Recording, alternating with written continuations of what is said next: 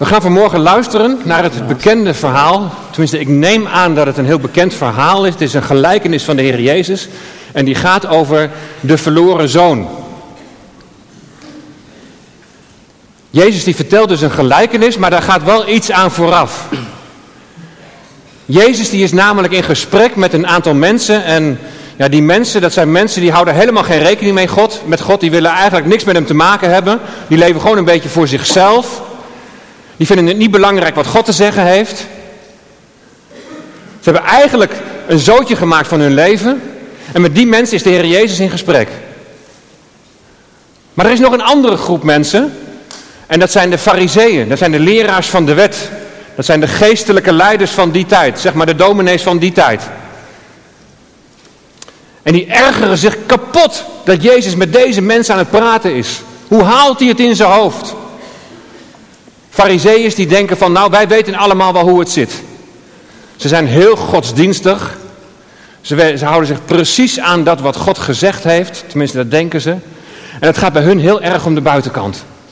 En dan gaat de Heer Jezus, die gaat het verhaal vertellen over de verloren zoon. En eigenlijk zijn die mensen die niks met God te maken willen hebben, die zijn eigenlijk die verloren zoon.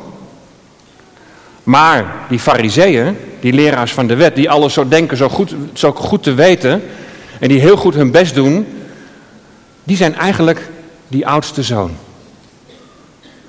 En we gaan nu eerst luisteren naar Nathan en die zal ons iets vertellen over die jongste zoon, over de verloren zoon.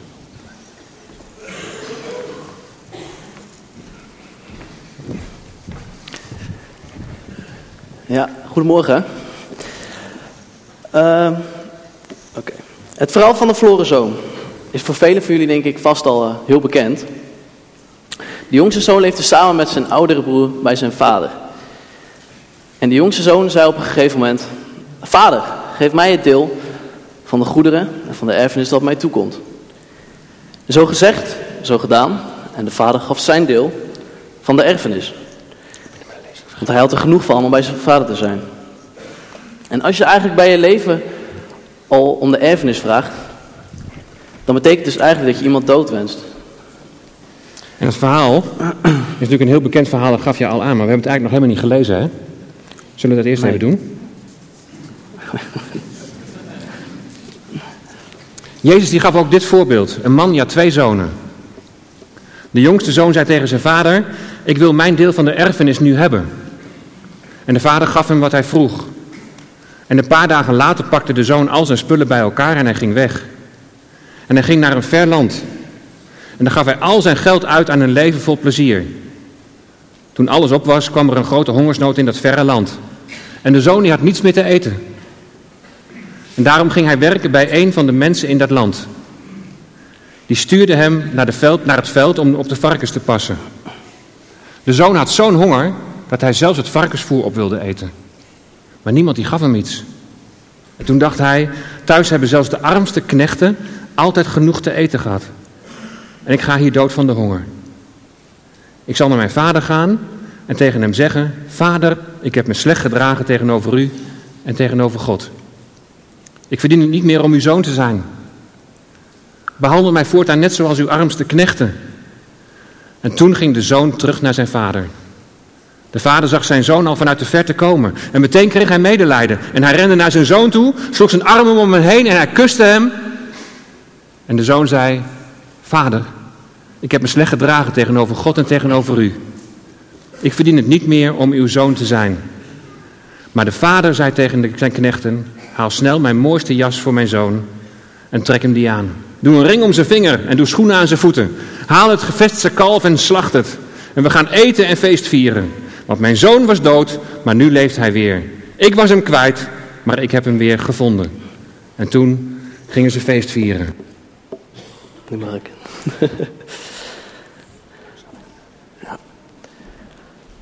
Ik begin gewoon even overnieuw. Eh, het verhaal van de verloren zoon is voor velen van jullie dus heel bekend. De jongste zoon leefde samen met zijn oudere broer bij zijn vader. En de jongste zoon zei op een gegeven moment: Vader, geef mij het deel van de erfenis dat mij toebehoort. En zo gezegd, zo gedaan. En de vader gaf zijn deel van de erfenis. Als je bij je leven eigenlijk de erfenis zo aan je vader vraagt, dan betekent dus dat je iemand dood wenst. En dan heb je eigenlijk geen liefde voor je vader. En vanaf dat moment is de zoon zijn eigen weg gegaan. En omdat men in die tijd in Palestina ongeveer trouwde tussen de 18 en de 20 jaar, zal hij zo'n ongeveer 17 jaar zijn geweest.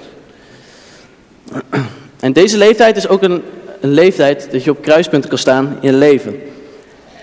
En de vraag is dan, welke weg kies jij? De zoon heeft in dit geval zijn eigen pad gekozen en is er met zijn deel van de erfenis vandoor gegaan. In Jeremia 6, vers 16 staat het volgende. De Heer zegt, ga op de kruispunten staan, denk na, kijk naar de oude wegen en welke weg leidt naar het goede, sla die in en vind rust. En het gaat hier over de bedreiging uh, van Jeruzalem en over de ondergang van Juda.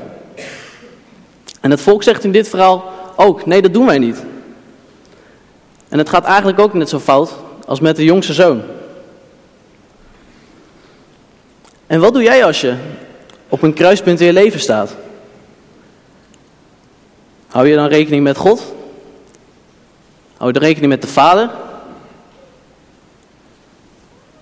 Ook in onze tijd zijn er veel mensen, jong en oud, die steeds vaker hun eigen weg kiezen en niks meer met God te maken willen hebben.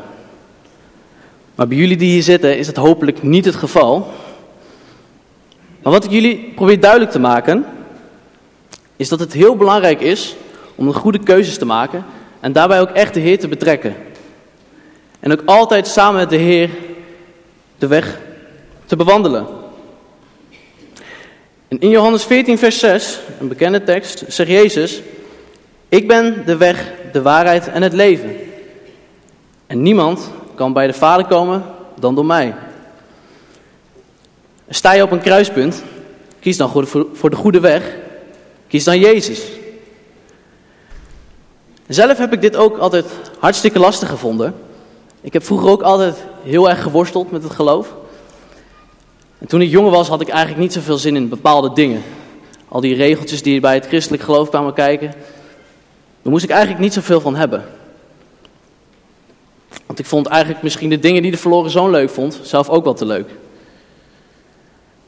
En ik dacht, als ik christen ben, dan kan ik dit misschien allemaal niet meer.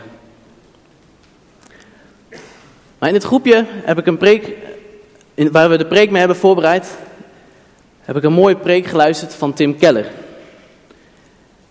En iets wat daar duidelijk naar voren kwam, is dat hij zei: Ons evangelie is niet dat het alleen om de regeltjes gaat. Het gaat om Jezus. En laat me, nog iets, laat me dan nog iets duidelijk maken door die uitspraak van Jezus: Ik ben de weg, de waarheid en het leven. Jezus zegt: Ik ben de weg. De jongste zoon was dus vertrokken en maakte in een korte tijd zijn hele erfenis op aan een losbandig leven.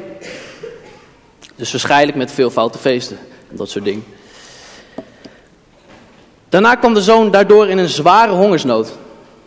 Want hij had immers geen geld meer.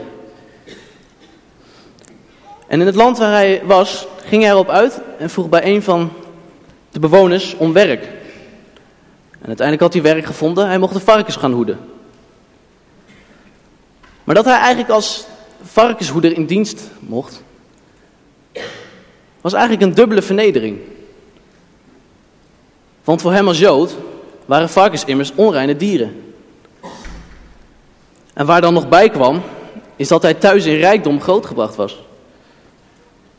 Hij was zo diep gezonken, in een ver en diende hij dus als hoede van de varkens. Maar het werd eigenlijk nog erger. Want hij had zo'n honger dat hij eigenlijk best wel van dat varkensvoer had willen eten. Maar niemand gaf hem daar wat van. Dit is de weg. Dit is de weg die de zoon zelf gekozen heeft. Jezus is de weg. Jezus zegt, ik ben de waarheid. En op een gegeven moment kwam de jongste zoon tot inkeer en zei bij zichzelf, de knechten van mijn vader hebben meer dan genoeg te eten. maar ik verga hier zo wat van de honger. Ik zal naar de vader gaan en tegen hem zeggen: Vader, ik heb verkeerd gedaan tegen u en tegen God. Ik ben het niet meer waard uw zoon genoemd te worden. Mag ik alsjeblieft als knecht bij u komen werken? En met dat in zijn hoofd ging hij naar de vader toe, naar zijn vader toe. Hij koos ervoor om eerlijk te zijn, de waarheid. Hij kwam boven tafel toen hij eerlijk toegaf dat hij verkeerd had gehandeld tegenover zijn vader. De waarheid is dus dat hij veel beter af is bij zijn vader. Jezus is de weg en Jezus is de waarheid. En Jezus zegt ook het volgende: Ik ben het leven. Zijn vader zag hem in de verte aankomen. Hij kreeg medelijden en rende op zijn zoon af. Hij viel hem om de hals en kuste hem. Wat ik zo mooi vond, is toen de zoon nog niets gezegd had, de vader al met open armen voor hem klaar stond. En de jongste zoon had zijn leven weer terug. En de vader had hem met open armen ontvangen. En ze vierden feest. En misschien heb jij het geloof ook al van wel gezegd. Kom back. Kom terug naar de vader. Toen de verloren zoon terug was, kwam, was er een groot feest. En er is ook een groot feest in de hemel. Als jij je vandaag overgeeft aan de Heer. En om vergeving vraagt. Je ontvangt dan eeuwig leven door Jezus. Hij heeft gezegd, ik ben de waarheid en het leven. Ik ben de weg, de waarheid en het leven. En niemand komt tot de Vader dan door mij. We gaan naar een uh, lied luisteren. En uh, laat het gewoon even bij je binnenkomen. Misschien sta jij ook wel op een kruispunt. Wil je met God leven? Kies je voor je eigen dingen? De dingen die jij belangrijk vindt? Of wil je echt je leven geven aan Jezus en de weg met hem bewandelen? Many ways to get down here. Too many options to take. Too many paths to destruction. Only one good exit to take. Been on the road far too long now. Long uphill climb awaits me. I think I'll come to my senses. I'm about as low as can be. Father, I'm broken before you. Here, let me stay at your feet. Humble and lost in the shadows. Open our eyes will not meet. Welcome home.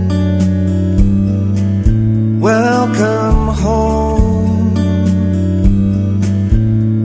to the Father who loves you.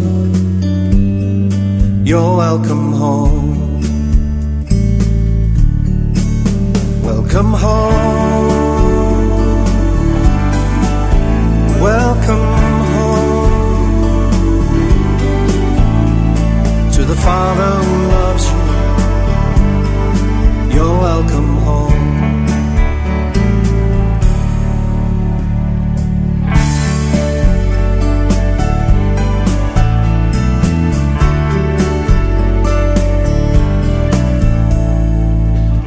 Been on the road far too long now.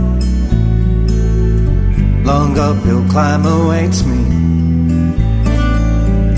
I think I'll come to my senses. I'm about as low as can be. Father, I'm broken before you. Here, let me stay at your feet.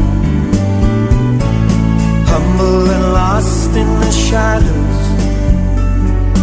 Hoping our eyes will not meet.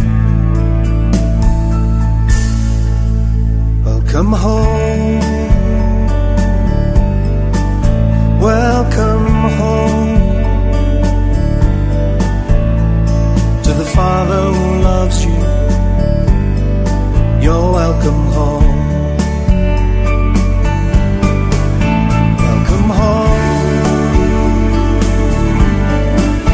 Welcome home to the father who loves you. You're welcome home. Come to the feast where the greatest are least and the last shall be first.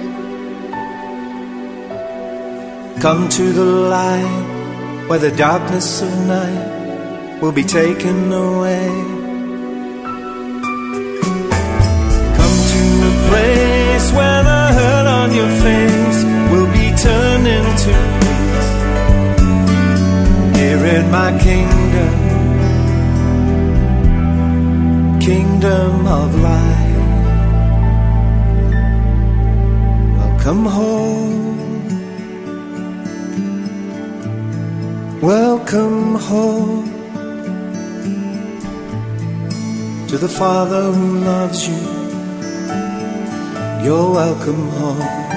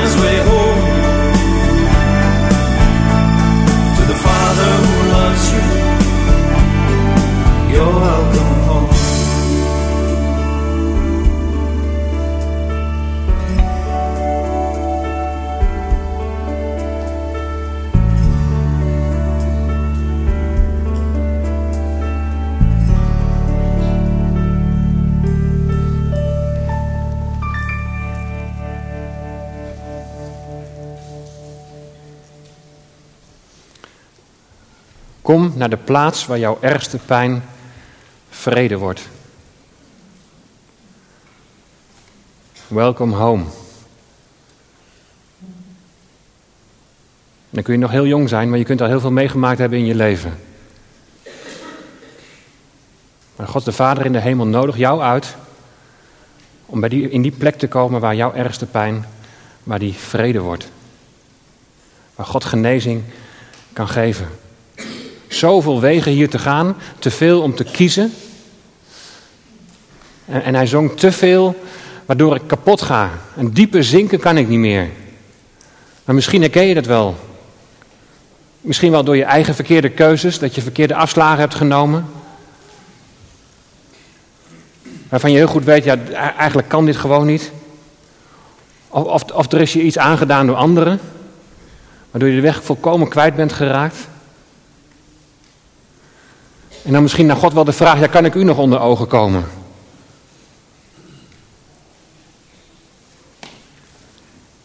De verloren zoon die heeft er een zootje van gemaakt. Vader, hier ben ik, gebroken. Mag ik toch dicht bij u zijn? Verdwaald in een daalhof, dwaal, of doolhof, zei hij net in het lied. Kan ik u nog onder ogen komen? De verloren zoon die beseft dat hij de liefde van de vader en het eeuwige leven, dat hij het niet kan verdienen. Maar dat hij zich moet overgeven aan de vader die genade schenkt. En die zegt, welkom home, kom met mij. Hoe gaat het met de oudste zoon? Wie heeft Jezus ook alweer met die oudste zoon op het oog? Ja, precies, die fariseeën, die leraren van de wet. De buitenkant is zo belangrijk, de regeltjes. De oudste zoon doet alles voor de vader. Maar heeft hij de vader ook echt lief? We gaan luisteren naar Vincent. En dan gaan we eerst nog het tweede gedeelte met elkaar lezen over die oudste zoon. Lucas 15, vers 25 tot en met 32. De oudste zoon was nog op het land. En toen hij thuis kwam, hoorde hij dat er muziek gemaakt werd en dat er werd gedanst. En hij riep een van de knechten en vroeg waarom er een feest was. En de knecht zei, je broer leeft nog. Hij is terug. En je vader heeft het vetste kalf laten slachten. Toen werd de oudste zoon kwaad. Hij wilde niet naar binnen. En zijn vader kwam naar hem toe en zei, ga toch mee naar binnen. Maar de zoon antwoordde, ik werk nu al heel veel jaren voor u en ik heb altijd gedaan wat u van mij vroeg. Toch hebt u voor mij nooit een dier laten slachten. Niet eens een geitje om feest te vieren met mijn vrienden. Maar nu komt die zoon van u thuis en voor hem slacht u het vetste kalf. Terwijl hij uw geld heeft uitgegeven aan de hoeren. Toen zei de vader, lieve jongen, jou heb ik altijd bij me. En alles wat voor mij is, dat is van jou. Maar we kunnen niet anders dan blij zijn en feest vieren. Want je broer was dood, maar hij leeft weer. We waren hem kwijt, maar nu hebben we hem weer gevonden. Goedemorgen. De oudste zoon. Wie was die oudste zoon eigenlijk?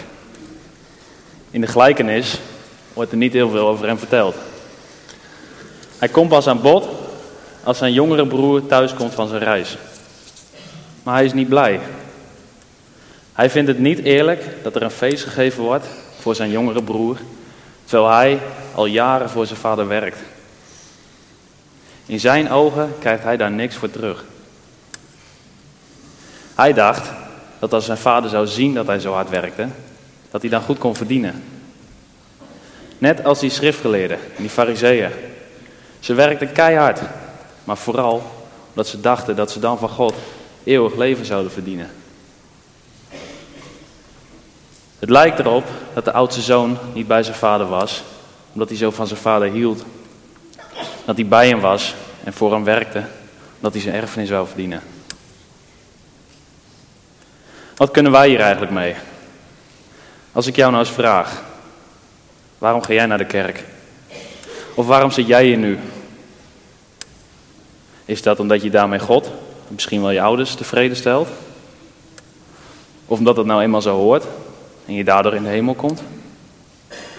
Of zit jij hier nu omdat je van God houdt, omdat je hem wilt danken, voor hem wil zingen?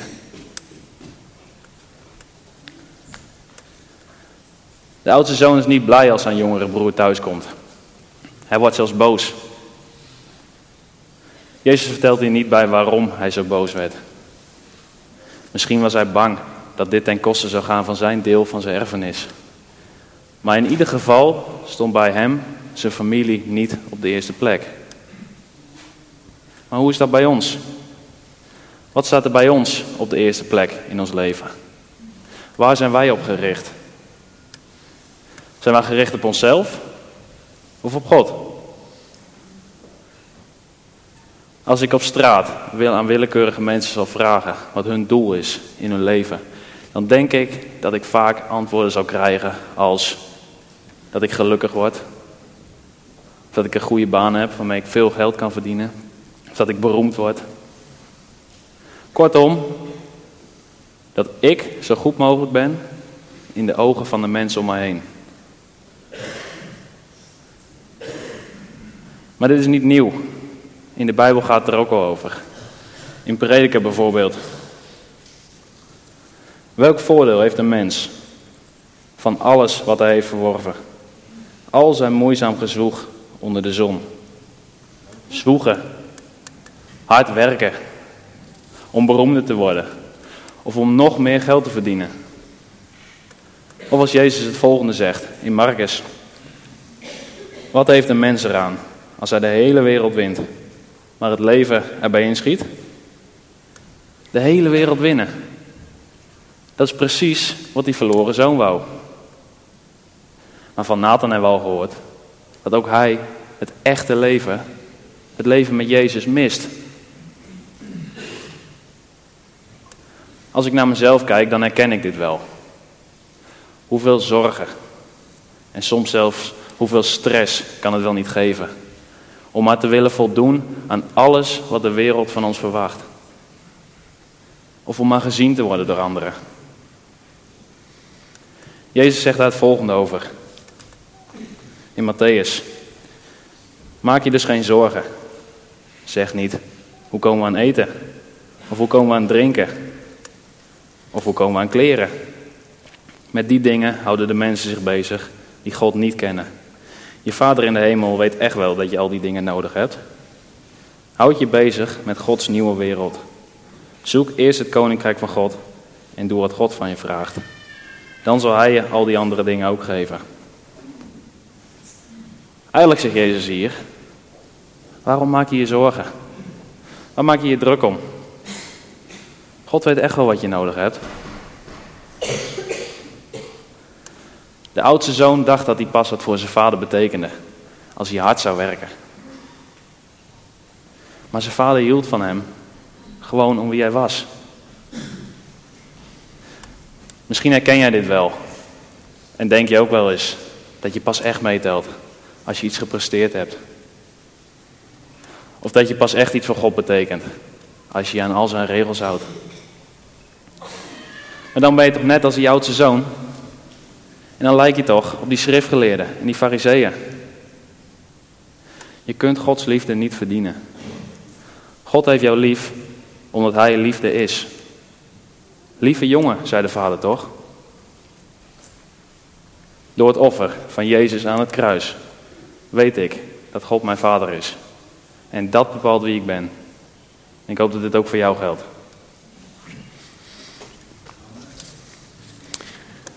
Kunt de liefde van de Vader kun je niet verdienen. We hebben het net eigenlijk zo duidelijk gehoord, hè? En dat is heel moeilijk te begrijpen, omdat wij in een wereld leven waar we moeten presteren.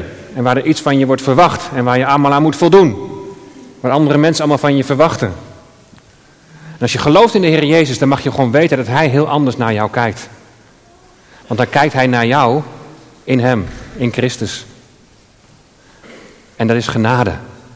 Dat kun je zelf niet verdienen. Dat mag je aannemen als genade. En daarvan willen we samen nu met elkaar een lied gaan zingen. Door uw genade, Vader, mogen wij hier binnen gaan. Niet door rechtvaardige daden, dus niet door ons eigen presteren, maar door het bloed van het lam. Zullen we staan en met elkaar gaan zingen?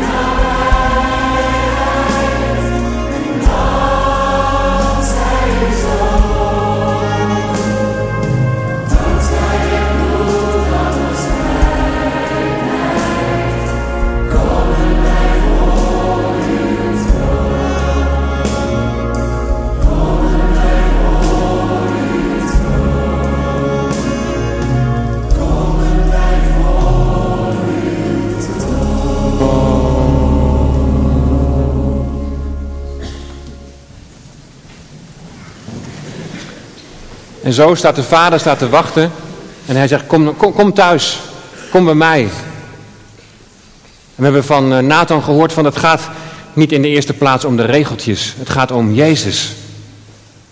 Jezus die jou op het oog heeft. En we hebben van, van, van Vincent gehoord van, je kunt het zelf niet verdienen. Maar het is enkel en genade dat God jou naar, naar zich toe wil trekken. Dat hij wil dat je bij hem hoort. En dat kan alleen door de Heer Jezus. Maar als je dat gedaan hebt, hoe gaat het dan verder? Hoe leef je dan met God? Hoe leef je dan met de Heer Jezus? Nou, Douwe, die gaat ons daar tot slot iets over vertellen.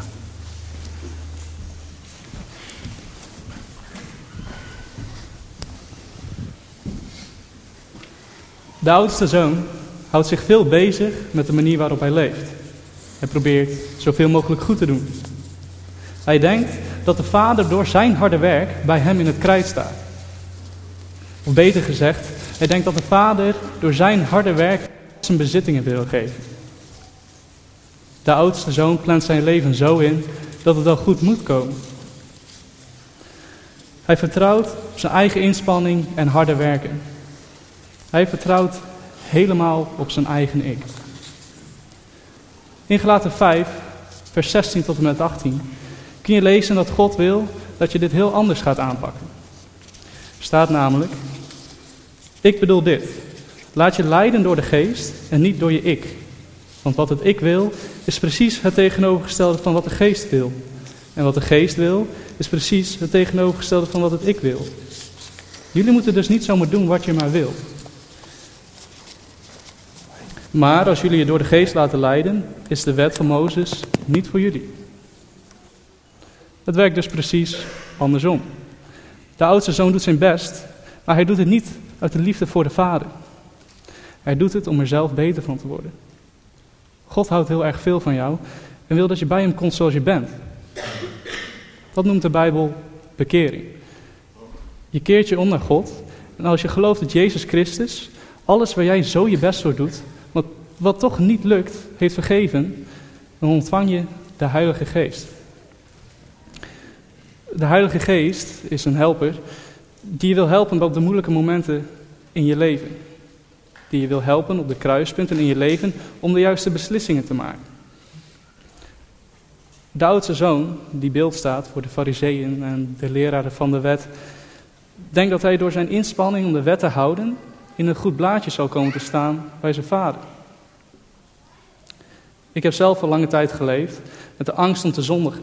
De schuldgevoelens die ik van het maken van mijn fouten kreeg, kon ik alleen kwijt bij andere mensen. Maar toen ik Gods vergeving leerde accepteren, verloor ik deze last van mijn schouders en was de angst om te zondigen bij alles wat ik deed weg. Dit kwam omdat ik de Heilige Geest leerde volgen en op het goede pad bleef. In Galaten 5, vers 18 staat dat de wet, ons bekende regelboekje, niet voor de mensen is die zich laten leiden door de Heilige Geest. Nou, voordat we heel de wet van Mozes in de kliko gooien, laten we eerst even kijken wat er staat in Timotheus 1, vers 8.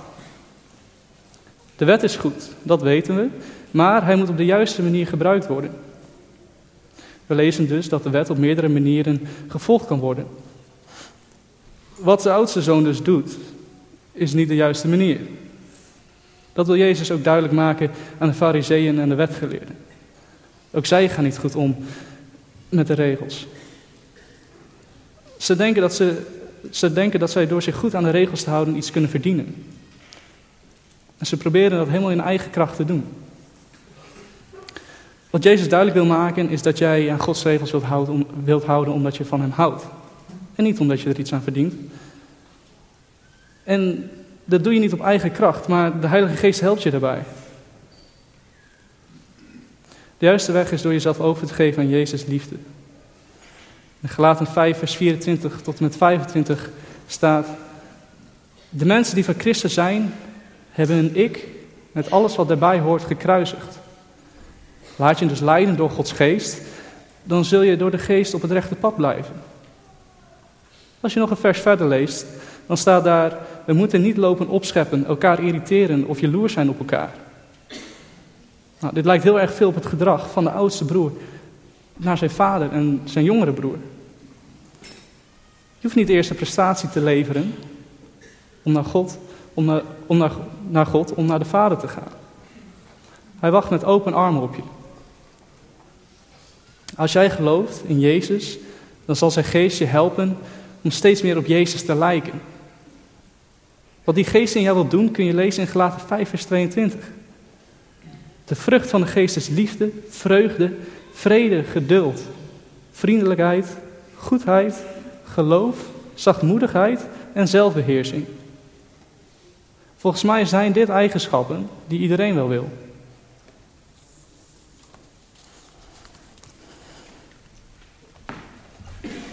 We hebben nu drie jonge mannen gehoord die hun eigen preek hebben gemaakt. Hun eigen verhaal hebben verteld. Maar daarin hebben ze ook iets verteld van zichzelf. En misschien, misschien herken jij je daar wel iets in. Ik wil nog één keer herhalen bij Nathan. Die zei van, ik was zo bezig met naar de kerk. Is eigenlijk niet zo interessant, want dan gaat het alleen maar om de regeltjes. En dan mag ik allerlei dingen niet meer. En, en die wil ik allemaal juist wel. Maar dat je toch een keer op dat kruispunt komt met de vraag van, ja, waar gaat het nou echt om? En misschien herken je het wel. Het verhaal van Vincent. Die had het over dat er zoveel van je verwacht wordt. En jij moet presteren, jij moet ergens aan voldoen. Maar hoe dan? Of het verhaal van Douwe, die zei van, ik had last van dat zondigen, waar moest ik ermee naartoe? Ik wist wel heel goed van mezelf dat er dingen gewoon fout waren naar God toe. Maar, maar hoe los ik dat nou op? Misschien herken je je daar wel in. Laat het lied nog eens even bij je terugkomen in je herinnering. Welkom home. Je mag bij Hem komen zoals je bent. Hij wil een vader voor je zijn. Een liefhebbende vader, God in de hemel. En we gaan, we, gaan daar, we gaan daar samen van zingen. Kom tot de Vader, kom zoals je bent. En jullie mogen wel vast naar voren komen. Alles is bij hem bekend. Hij kent je hele hart. Hij weet alles wat je bezighoudt. En hij heeft maar één verlangen. Hij heeft één verlangen dat jij komt tot hem. Come back. Kom terug naar hem. Geef je hart aan de Heer Jezus. En die boodschap is niet alleen voor de jongeren die er vanmorgen zijn. Maar die boodschap is natuurlijk voor ons allemaal. Want misschien ben jij wel op leeftijd al. Maar dat je nog steeds die schroom hebt om die ene stap te doen. En die genade die God aanbiedt, om die ook te aanvaarden. Om dat cadeau wat God geeft, om dat ook uit te pakken. Je mag net als die jongste zoon, mag je komen en heel eerlijk je leven voor hem neerleggen en zeggen, Heer, ik heb gezondigd. En dan zegt de vader, kom, welkom home. Kom tot de vader, kom zoals je bent.